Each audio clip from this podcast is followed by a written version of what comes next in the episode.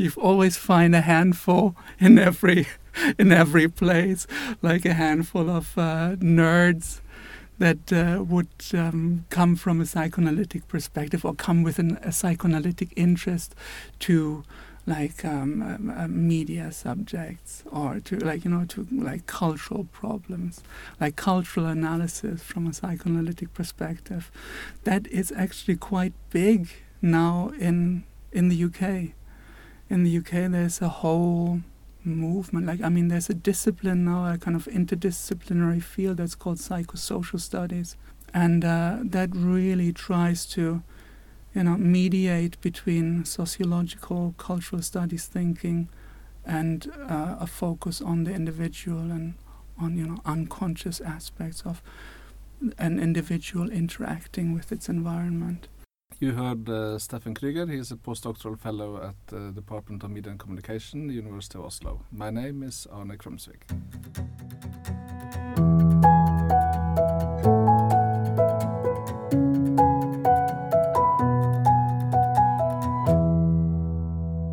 in Berlin, where I studied media and communication, and where I studied English and post colonial literature, literatures, there was a lot of psychoanalytic thinking going around, making the rounds.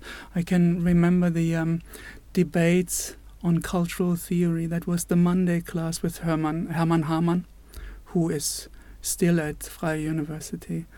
And uh, there we read widely and also in psychoanalysis I don't know, Freud's um, um, discontent, like civilization and its discontent, and then uh, critical theory, like Adorno, Benjamin, thinkers deeply influenced not only by Marxism but also by psychoanalysis, you know, trying to combine these two poles into their thinking.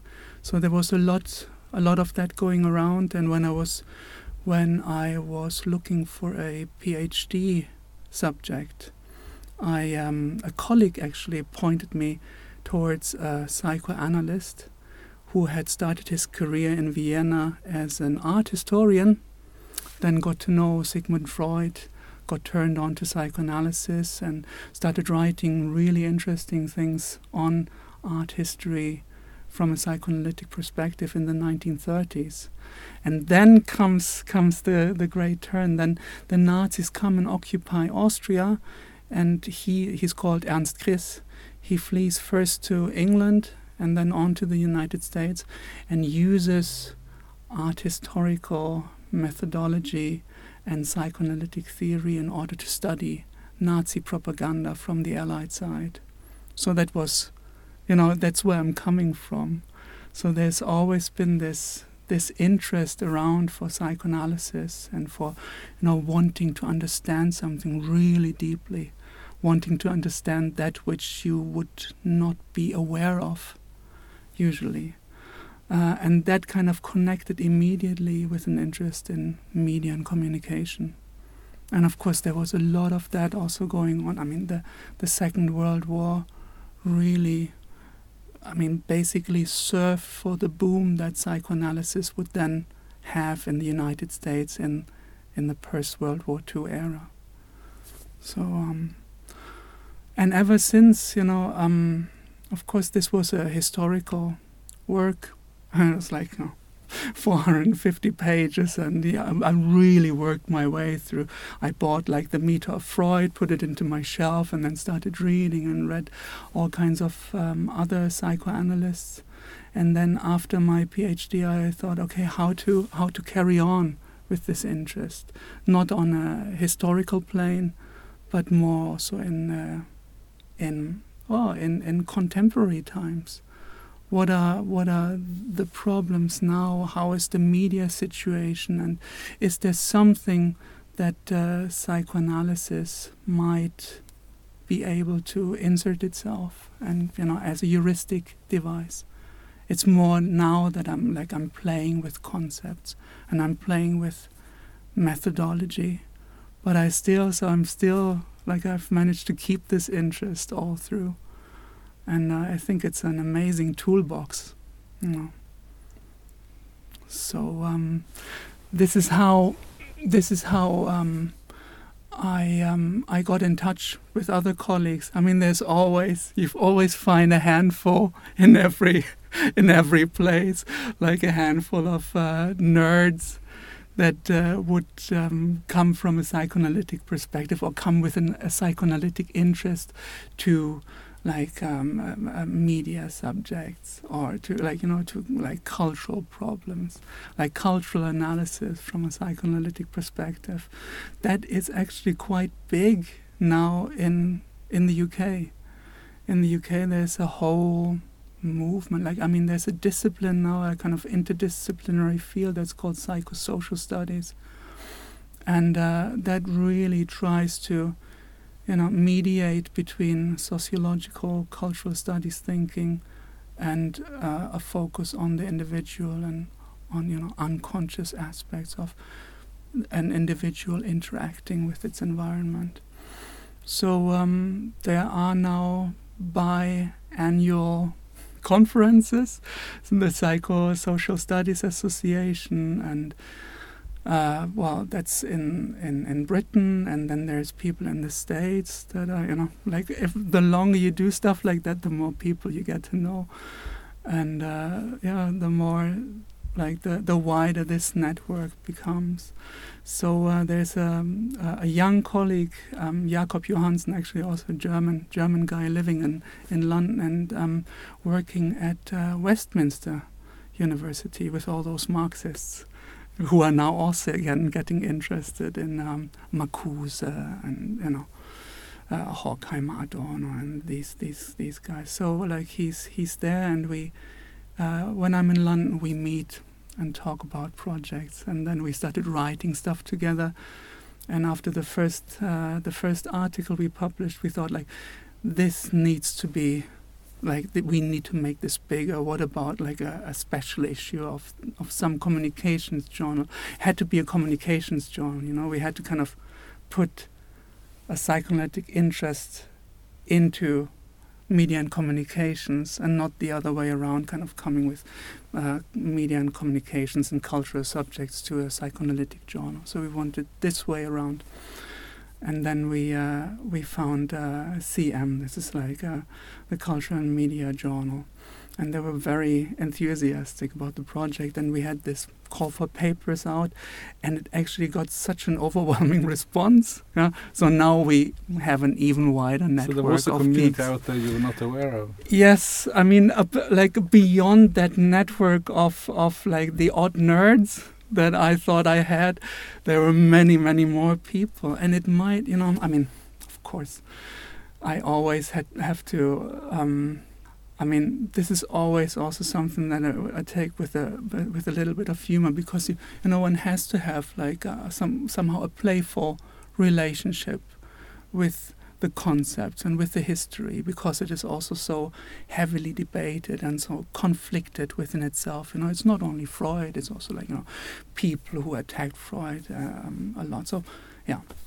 Um, so yeah, there's, uh, there's a huge yeah. There's actually a lot of people who are who are interested in that and who want to work with uh, like from inside or from out of a, a psychoanalytic idiom um, in in the field of media and communication. And we got a lot of really interesting, interesting abstracts. Had to then really be strict to kind of cut it down to a handleable size. And we still went hundred pages over what the journal gave us as a limit. So it's become a really fat issue. Mm, and there might also be there might be something in the times, you know, the um, that the the irrational, the non-rational and our need to understand the unconscious in culture, and specifically in a media saturated culture, is coming back. You know, so we need to we need to have tools in order to approach that, in order to try and understand. You know, it's kind of it's a hermeneutic endeavor. Could you explain how you actually do this kind of research? Uh, there's, you know, there's not this one fixed methodology, but of course there are a lot of pitfalls coming with something that is, that has emerged from out of a clinical setting, you know, taking this kind of uh, the patient comes to the well, it, now it's called the analysand comes to the analyst, lies down on the couch, the analyst sitting like behind the analysand. The analysand closes his eyes or like stares holes into the into the into the ceiling and then like talks about whatever comes to mind and like you know through kind of this process of free association you come like you come to be confronted with what's difficult. And you of course you always come with a problem. You always come with a feeling of something is not quite right now taking this setting and just you know taking this gun and pointing it at something in culture is of course a highly you know there are so many pitfalls involved because because it has a tendency to pathologize something which need not, you know, which is not necessarily wrong in itself.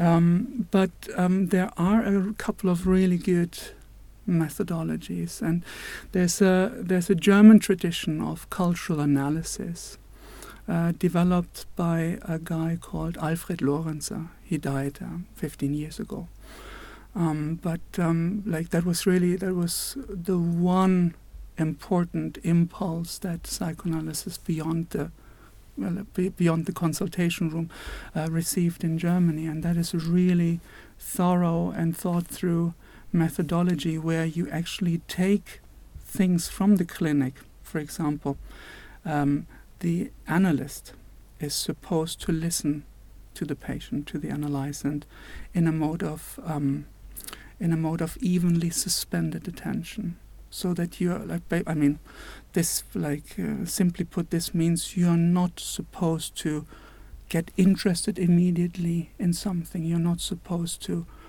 like um, follow your interests or come to this treatment hour with a certain uh, preconception in mind so you're really you're really um, it's kind of dispassionate. You try and uh, like hear what the patient says, and you and you you listen inwards, and you try and pick up onto how you react to it, how you respond to it. Where don't I understand what the patient says anymore? Where do I become irritated even or puzzled? And where like how, is is there something in what the patient says that is contradictory. Why don't I understand? And that you would try and follow up. And this is an amazing thing to do with a cultural material, also. You know, an amazing thing to do with um, uh, discourse online, for example, also.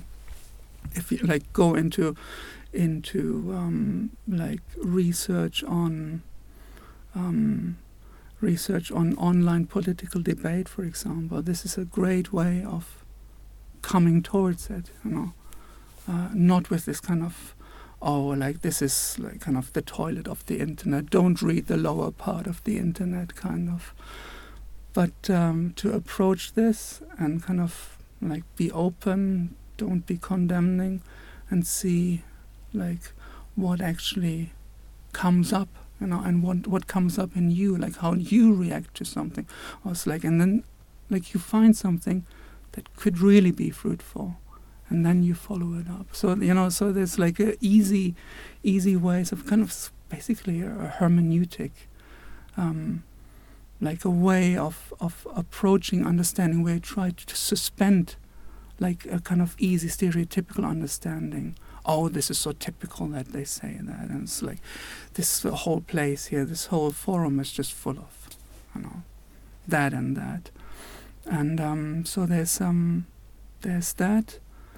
And then when it comes to understanding this, there's actually, um, you know, there are, um, like you go together in groups, for example, in order to make your understanding, like, so that it's not only you your subjectivity that makes sense of what you you know took out of the material. But you are then together in groups and then you can also use free association. So like you know my ideas to what i found there. Like oh this reminds me of. So you know then you kind of recontextualize it. You buy like you build cultures around it again. So there's a whole, you know, there's a whole debate about like, you know, what can be used of psychoanalytic methodology in cultural analysis.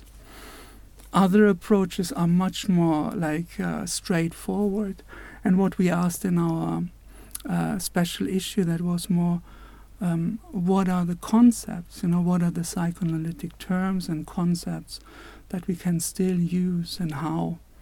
So sometimes it's just a matter of like, you know, discussing anxiety, you know, to, um, how it evolves, why we react anxiously, why you know why a certain field produces that.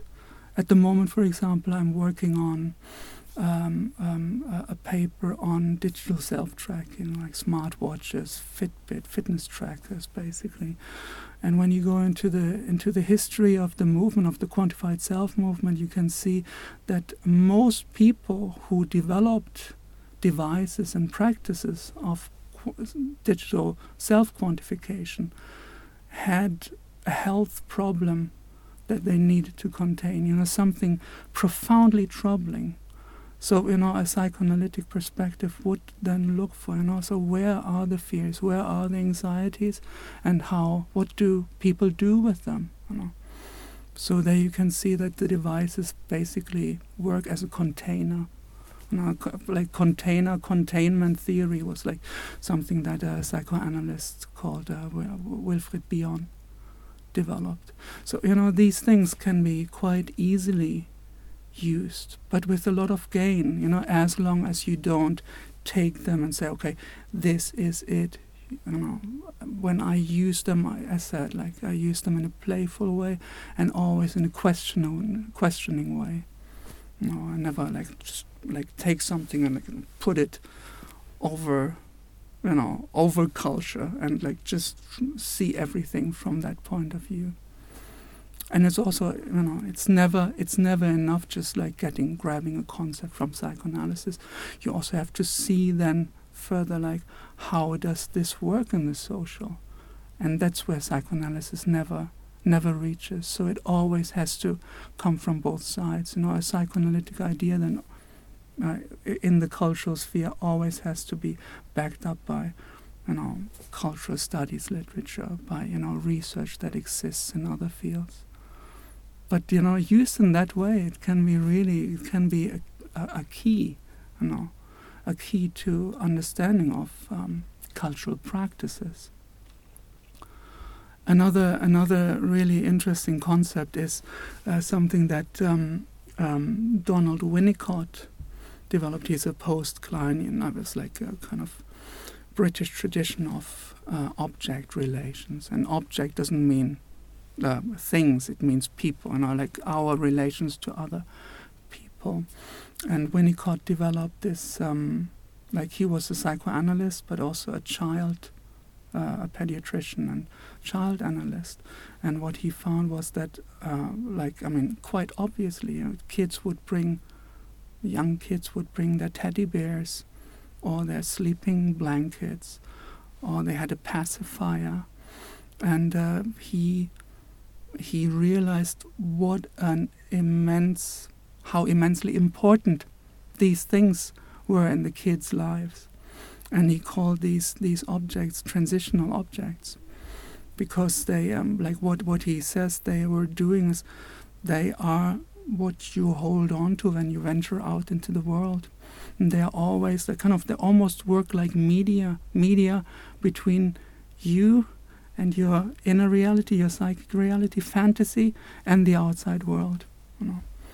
So when you're lying awake at night, you know, like you're you're a young kid, you can tell your teddy, like, look, teddy, there's like monsters don't that there is that monsters just don't exist, so they cannot be under the bed. You don't have to be afraid you know.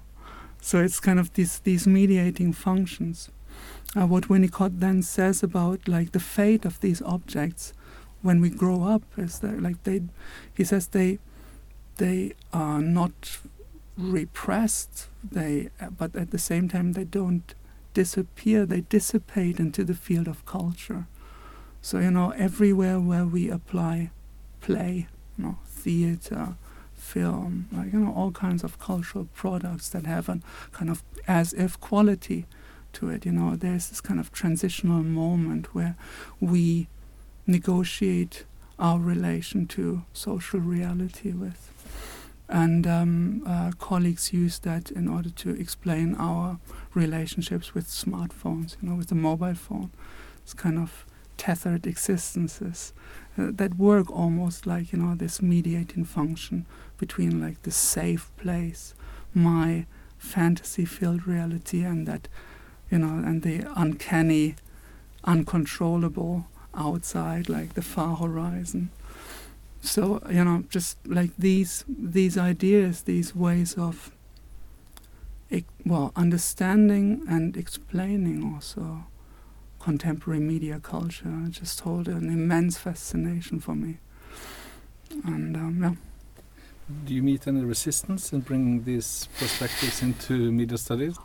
Yes and no. I mean, yeah. I mean psychoanalysis has its reputation, and uh, uh, it's it is its own fault also partly that it has that. It's been used as a kind of power tool also. You know. In the United States, um, in the McCarthy era, psychoanalysts, psychoanalysts, you know, like basically gave diagnosis to, uh, you know, whether people were communists or not communists, and so you know, so psychoanalysis was involved in a lot of a lot of power games. You know, uh, was quite often also on the side of of uh, the dubious establishments, um, and uh, held a kind of um, defining power on like how we function as human beings. You know, what is like of like what is a what is a father, what is a man, what is a woman. You know, of course these were also quite often misreadings, but um, a lot of a lot of that was also like the fault of certain branches of psychoanalysis. So uh, when I'm using that now, there are always people who. Um, who have have a stake in that, or you know, who beg to differ, and of course, I think it's also to do with um, a psychoanalytic perspective always asks you to interpret, you know, you all, and and interpretation and like you know, understanding something thoroughly um, goes also against a quantifying trend, where we wanna, you know, like I think, um, so there's, I think it it it feeds into into, I'm not do I say conflict now? at, at, least it feeds into different research traditions. So when I'm when I'm then presenting my my research to you know like um, a, a like an academic crowd that is more um, social scientifically minded, you know, people find it strange or like at least are not used to interpretation, you know. And then of course it's also an interpretation that involves subjectivity even though like you know I have interpretation groups and people I run it by and you know so even though I had that even though a colleague would agree with me then you know once we sit down it's like okay like, but what about this point? Yeah yeah that seems like plausible. So even though colleagues agree with me there is a certain resistance towards um yeah towards um this kind of digging under the surface, like this kind of metaphor that psychoanalysis is uh, traditionally um, attached to. This kind of going under the surface and like deep analysis. Even though, like now, like we have a, a conception of the unconscious that is much more to do with the surface. You know, it's like Lacan would say, it's like we don't need to dig deep. It's like, like it's right at the surface where we find what we are looking for. Like in the summer when you know the sun comes out and you get like um, what are these like um, freckles? Freckles, exactly. So yeah, how your skin breaks out in freckles. You know, it's there where you find what you're looking for, basically. But uh, yeah, I'm like a symptomatic perspective. That's um, that's not easy on on some colleagues. But you know, then again, also I like I like the debate.